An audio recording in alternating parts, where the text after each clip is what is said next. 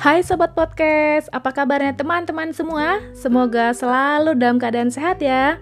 Kali ini kita sudah sampai di episode ke-25. Masih semangat di tantangan 30 hari bersuara dari thepodcaster.id dan topiknya kali ini tentang kekalahan. Cerita apa ya? Hmm, kekalahan. Dalam sebuah perlombaan, pasti ada yang menang dan kalah.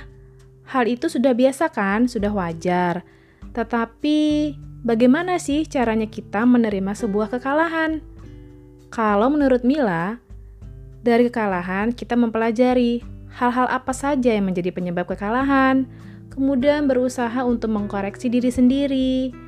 Jadikan yang menang sebagai teman dan juga ambil hal-hal yang positif darinya.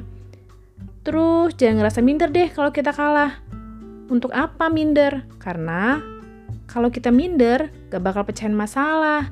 Malah nambah masalah kan, malah pusing sendiri. Makanya kita sering koreksi apa ya uh, kekurangan kita. Terus di mana sisi kelebihan teman-teman yang menang? Kalau aku sih seperti itu. Jadi, berjiwa besarlah untuk sebuah kekalahan yang kalian alami. Jangan menyerah. Jadikan sebagai sebuah pembelajaran dan raihlah kemenangan untuk yang akan datang. Oke sobat podcast, sokes-sokes, demikian topik kita tentang kekalahan. Sampai jumpa di episode selanjutnya. Salam sayang selalu dari Mila.